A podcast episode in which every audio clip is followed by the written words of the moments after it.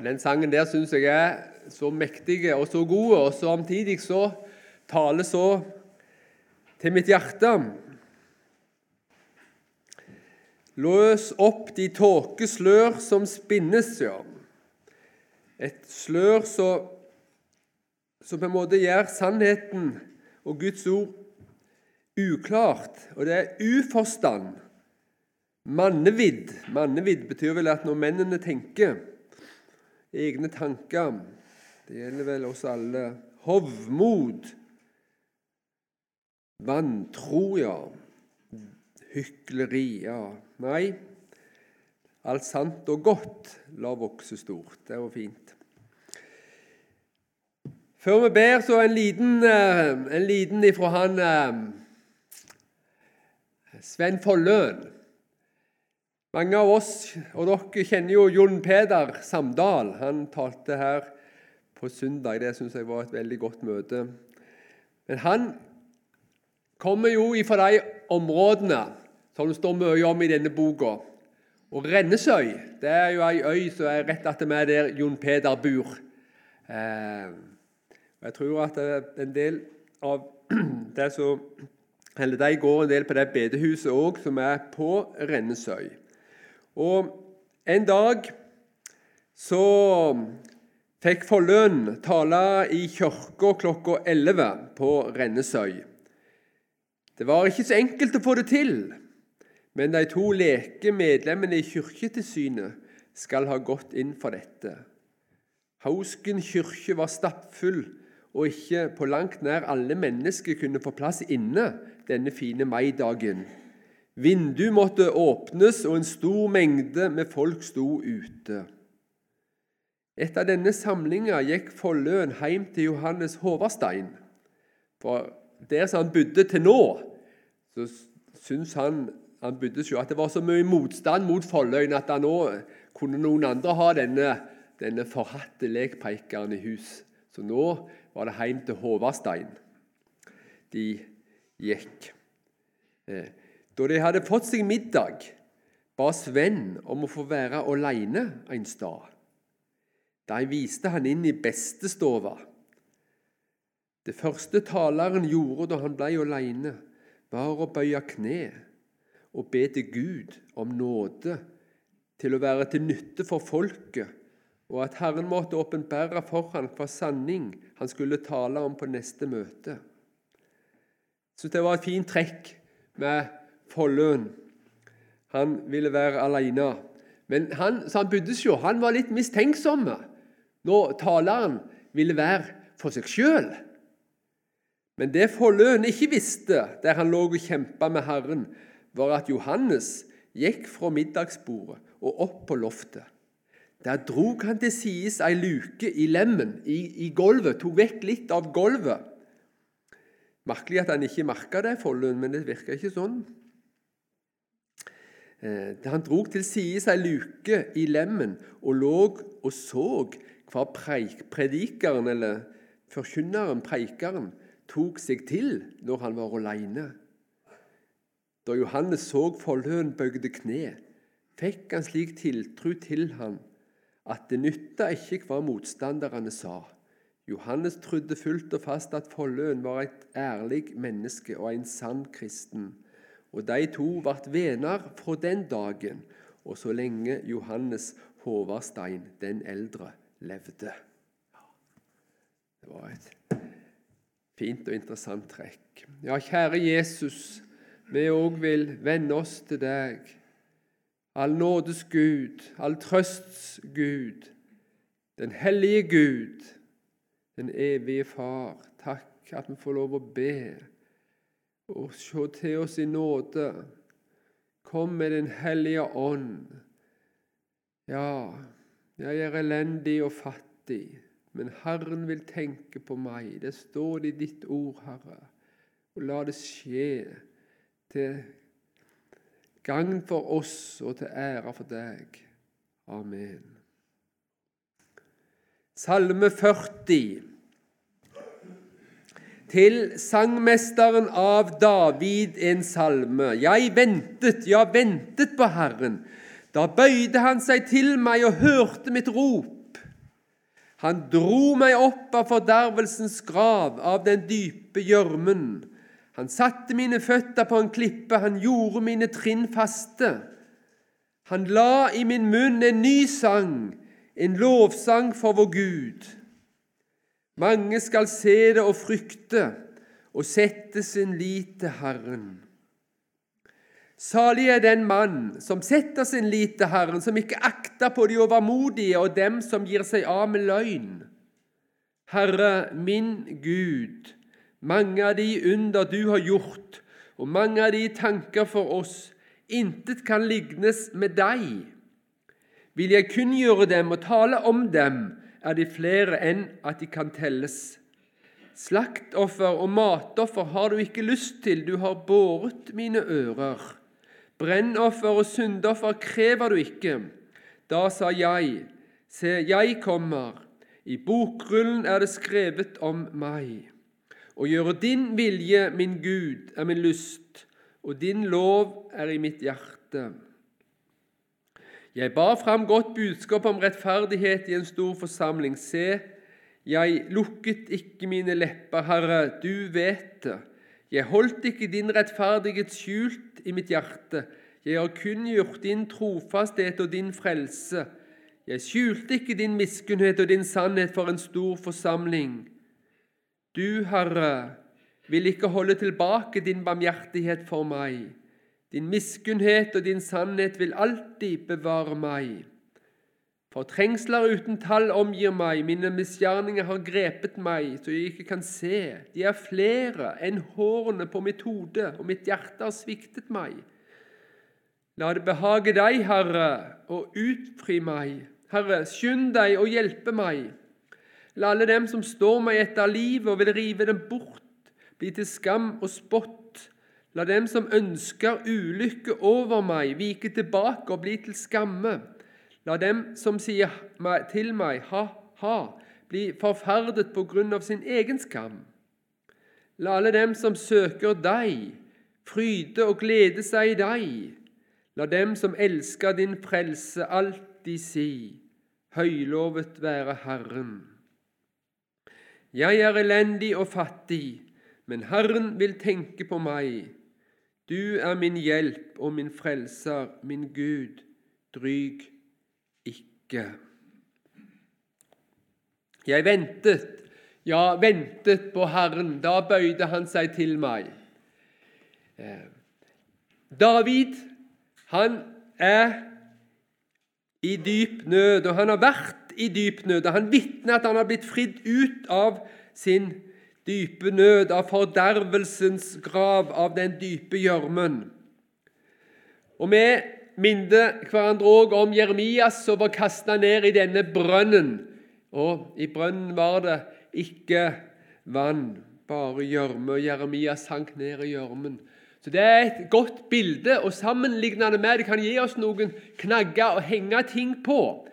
Samtidig er det viktig å si at her er det en kjempeforskjell. David han var ikke kasta i brønnen fordi han hadde gått på Guds vei. Men han var i fordervelsens grav for sine synders skyld. Og hvis han ikke ble berga ut,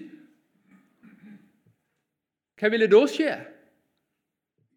Da ville han være der for evig. Da ville det være hans plass i fordervelsens grav. Da vil han smake og være under Guds hellighetsvrede i evigheters evighet. Ja. Og det ville være helt fortjent. Du vet menneskene. Vi har jo så mange forklaringer av så mange ulike slag. Noen sier at det var omstendighetene, noen sier at det var andre som lokka meg. Noen sier at jeg, har, jeg, er bare sånn i mitt sinn. Noen sier at det er psykologiske reaksjoner i mitt indre. Nå, nå, nei, det er synd. Det er synd. Og har du synd, så er du jo skyldig. Jeg er skyldig. Ja, Derfor så er jo sammenligningen med Jeremias dårlig på det feltet. Han er god når det gjelder og kan lære oss å få tanken inn på dette hvor umulig, hvor håpløst og hvor, hvor fortvila vi sitter i det. Men det må òg sies at David og du Det er noe du har ført deg sjøl opp i. Det er noe du sjøl har ansvaret for. Ja. ja, noen vil til og med skylde på Adam. Og Adam han sa 'Kvinnen som du ga meg', ja. Kvinnen hun sa 'Slangen'. Ja, nei, kommer ingen vei. Det er du som er den ansvarlige. Det er du som er den ansvarlige. Hvis en ikke blir dratt opp Hvis du ikke har blitt dratt opp, da er du der nede fremdeles. Det er bare sant. Ja. Det er vel derfor også vi ber for vår kjære som ikke er frelst. Misjonssak. Det er så mange der ute som ikke har blitt dratt opp. Ja.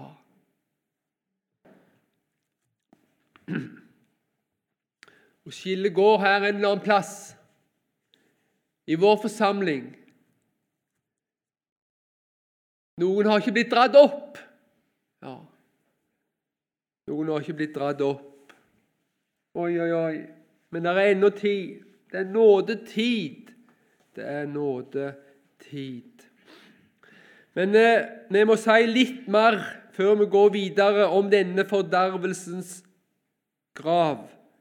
Om denne fordervelsens grav. I Salme 51 eh, Salmen vel som botsalmen til David.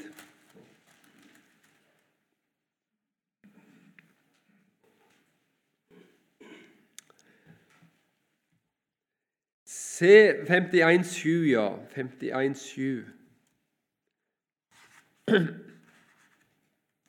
Se, jeg er født i misgjerning, og min mor har unnfanget meg i synd. Av og til på norsk i hvert fall, så sier vi det at, at vi er syndere ifra fødselen av. Nei, det er for svakt. Ifra unnfangelsen av. Jeg er født i misgjerning, og min mor har unnfanget meg i synd. Ja. Og Vi har jo den artikkel 2 i Augustana, som sier det at uh, alle mennesker som er forplantet på naturlig vis etter Adams fall, blir født med synd. Det vil si uten frykt for Gud uten tillit til Gud og med begjær. Eh, begjær her betyr ikke først og fremst seksuelt begjær, men det betyr at en har en lyst, en har en retning, en har en tildriv i livet som er borti for Gud, ja, og ikke til Gud. En er uten frykt for Gud, uten tillit til Gud, og en er på en måte på vei hele tida vekk ifra Gud. Vi venter oss hver til sin vei. Det er jo merkelig at bare så mange som vi er her, og når vi vender oss hver til sin vei, så er det ikke likevel én. Kunne kanskje trodd sånn statistisk at da kunne gjerne én eller to vende seg til Gud. Nei, ikke én søker Gud. Ja. Men så sier Augustana videre og at denne arvelige sykdom og brist virkelig er synd. Det at vi er sånn, det at du er en synder, det er virkelig synd i ditt liv som fordømmer. Rett og slett. Bare det at du er et menneske. Vi har snakket i går om Davids liv, om ytre synder. Og vi snakket om de indre syndene.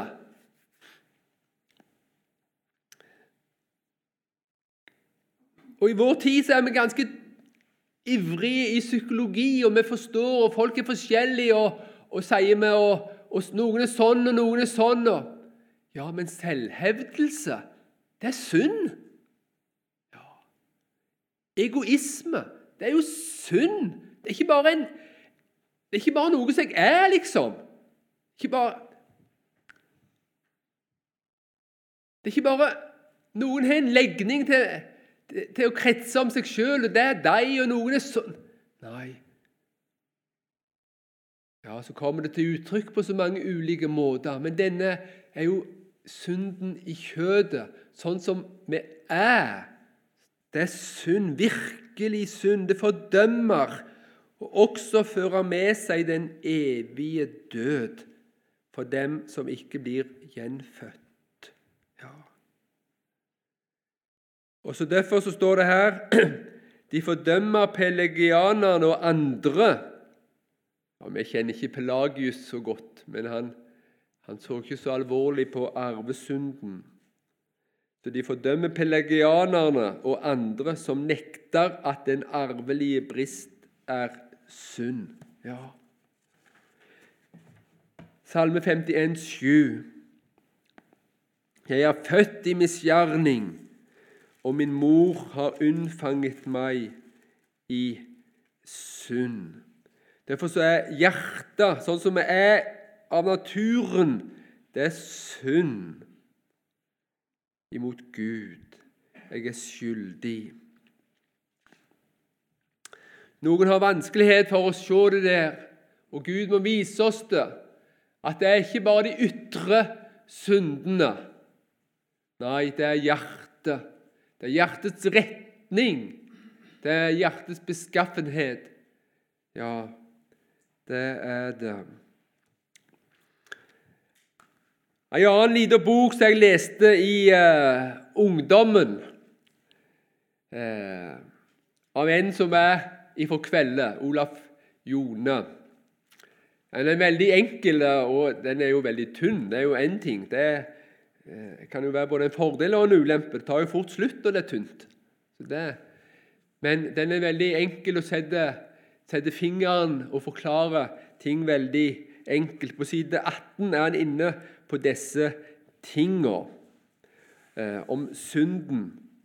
Og så sier han et eksempel fra bondegården. Jeg er for øvrig bonde selv. Vi har en gjødseldynge på gården. Når en kjører ut gjødsel, skvalper det ofte over kantene på traktortilhengeren. Den skitten ligger igjen der en kjørte fram. Men det som skvalper over, er bare småtteri mot alt det som er igjen i tilhengeren og i dynga. Ja, Der er det uante mengder men det som ligger etter, etter veien, etter vandringen, det, så, det som vi ser i det ytre, ja, det er synd. Men det, det, er jo lite i forhold til det som er i tilhengeren og i dynga. Den synd du og jeg i første omgang ser hos oss, er bare det som skvalper over fra vårt syndige hjerte. Men det er småtteri mot alt det som er igjen i hjertets dynge. Mange av fedrene våre hadde dyp erkjennelse her. Derfor sang de O min frelser, så kjær, hvor elendig jeg er, med et hjerte fordervet av synd. Ifra hode til fot, hjertets innerste rot, kunne en eneste masse av synd. Ja, sånn er det. Og Jeremias han sier det samme i 17,9. Vi tar med oss det. Jeremia 17, 9.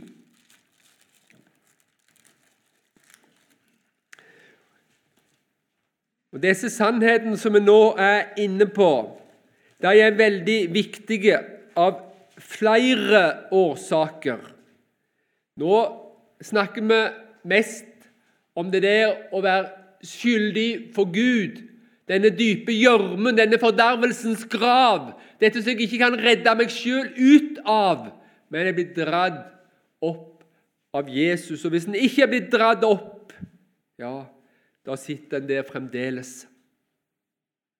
Og da går det evig galt. Men det har jo òg det at jeg er i kjøtt en synder tvers igjennom. Det får òg betydning når jeg skal vurdere ting. Når jeg skal bedømme hva som er åndelighet.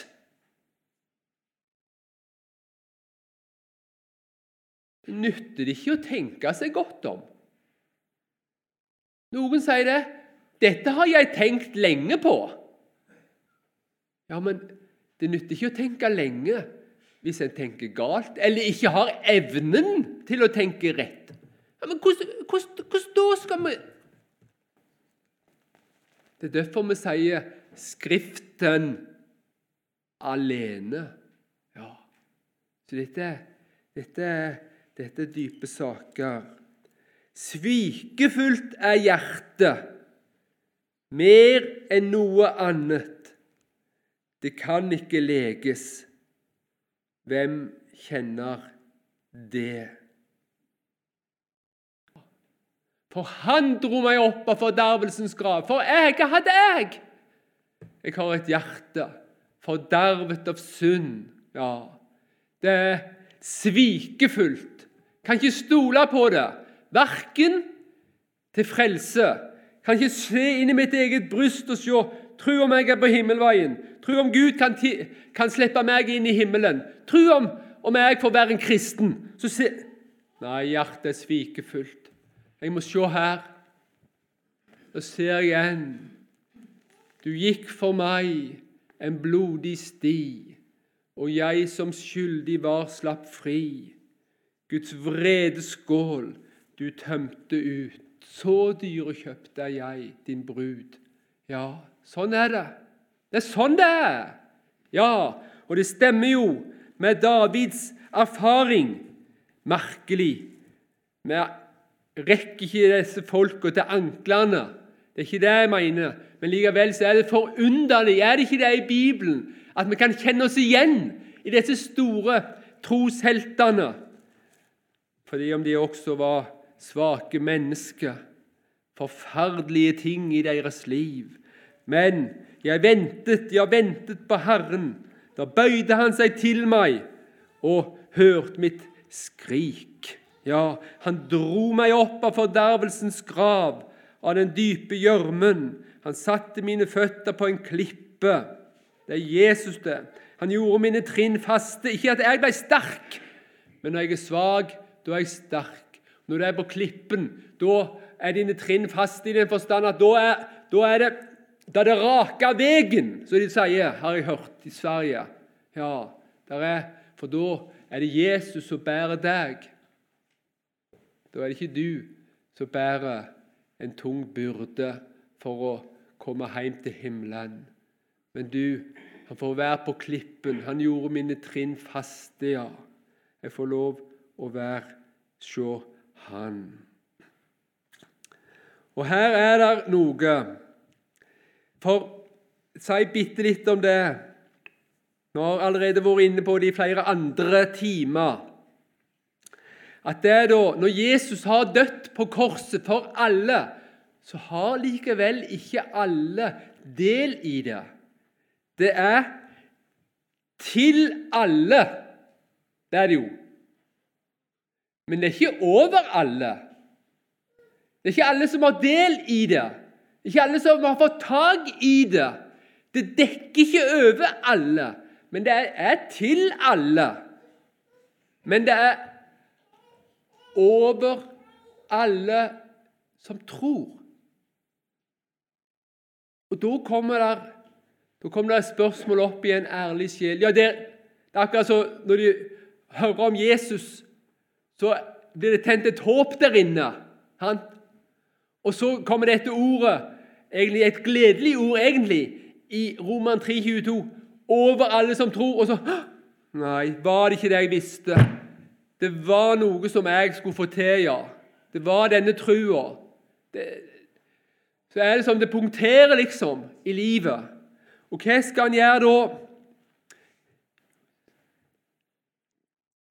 Bare begynn å tro, så er det i orden.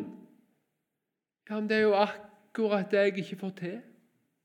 Det er jo, Da trykker du akkurat på den ømme tå. Ja, det er akkurat det å få til det der. Ja, men Da da må vi få lys fra Bibelen over det. For når du har den tanken som da kommer, skal jeg bare si deg, ifra ditt svikefulle hjerte, så har du da gjort tro, troen, trua, til en ny gjerning. Ja, ja men, men hvordan da skal han Det er bare til å ta imot, sier noen. Det er jo et skriftsitat. Men det blir gjort så Det er så lett for oss å misforstå. Så blir det på en måte ny ja, Jeg får ikke til. Ja, det er lett, sier noen. Ja vel, kanskje det er lett for deg. Men vi er noen som har prøvd. Det gikk ikke. Hva da skal vi? Jo, da skal du høre. Det er et uttrykk i Galaterne som jeg er så veldig glad i når det gjelder dette her, og det er Galaterne 3 når det gjelder troen. Det kommer jeg ofte tenker ofte på det kombinert med Romerne 10, 17, men nå tar vi Galaterne. Vi tar de to første versene i kapittel 3. Uforstandige galatere var litt rask til å begynne her. Uforstandige galatere, hvem har forhekset dere, dere som har fått Jesus Kristus malt for øynene som korsfestet? Bare dette vil jeg få vite av dere. Var det ved lovgjerninger dere fikk Ånden, eller var det ved å høre troen forkynt? Merk deg det uttrykket der. Høre troen forkynt. Det betyr at når ordet om Jesus, evangeliet som er Guds kraft til frelse, det er rettferdigheten av tro, men det er òg til tro. Så når budskapet om Jesu fullbrakte verk når det blir forkynt, så skapes troen. Og sånn som det oppleves ofte i en synders hjerte, det er det han har fått Guds ånds lys i større eller mindre grad over seg sjøl og sin synd, og han ser at jeg er en synder. Så kommer evangeliet. Så blir det bare fortalt om hva Jesus har gjort. At han, Guds sønn, kom til jord. At han ble et menneske. At han levde uten synd at han tok all verdens synd. Han tok min synd på Golgata kors. Han ble straffa under Guds vrede. Han elsker synderen. Han gjorde opp alt. Da Det er akkurat som synderen ja, Er Jesus sånn? Ja, men, men Da er det jo håp for meg. Da ser jo jeg lys. Det er troen. Og Her kommer Olav Valen Senstad oss til hjelp. Og han sier det sånn i 'Rettferdiggjort av tro', side 128. Og Den boka må alle, bør alle iallfall, lese ofte. Det er veldig Så du som går på bibelskolen, merk deg den boka der. Rettferdiggjort av tro. Derfor kommer også troen til oss. Bare det Hør! Derfor kommer også troen til oss, ganske som den kom til den falne Adam. Den kommer gjennom ørene ved hørselen, gjennom øynene ved lesningen det er ved Ordet. Det frelsende evangelium kom til Adam derved at Gud talte til djevelen i Adams påhør, og den frelsende tro kommer til oss derved at vi hører evangeliet, som byr mine synder og farer bort fra Guds åsyn, hører evangeliet om alt det som er gjort, talt, levd og virket utenfor oss. Når jeg i evangeliet hører og leser at Jesus, en annen enn jeg selv, har trådt ned djevelen, har oppslukt Guds vrede over mine synder, har bortatt alt lovens fordømmelse over meg, har skaffet alle mine synder bort fra Guds åsyn, har knust min død og grav. Når jeg uten all egen gjerning hører dette, da kommer Den hellige ånd meg nær, og da virker han dette i mitt hjerte, at jeg begynner å høre meg inn i dette. Du begynner å høre deg inn i det som Jesus har gjort. Du begynner å forstå at det som Jesus har gjort, det gjelder for deg. Det er ditt. Jeg begynner å skjønne at dette gjelder meg. Begynner å skjønne at bak disse ordene og gjerningene står himmelens store Gud. Og da tenner han et stille mot, en innvortes fortrøstning, en hjertets tillit i meg. Hvor fikk dere Ånden, spør Paulus, ved noe dere selv gjorde og valgte, eller ved forkynnelsen og hørelsen? Dere fikk Ånden uten gjerning ved hørelsen. Galaterne 3,1 følgende. Da får jeg høre at alt hva Gud gjorde i Sønnen, det gjorde han for verden, det gjorde han for syndere, det gjorde han for ugudelige, og dette gjorde han aldeles uten noen mitt valg. Dette gjorde han før jeg hadde syndet, før jeg var født endog. Derfor kan jeg ikke velge å tro dette evangelium, men det overtaler meg. Det overbeviser meg. Det blir meg altfor sterkt. Det blir meg for veldig. Det skaffer seg selv øre i mitt hjerte.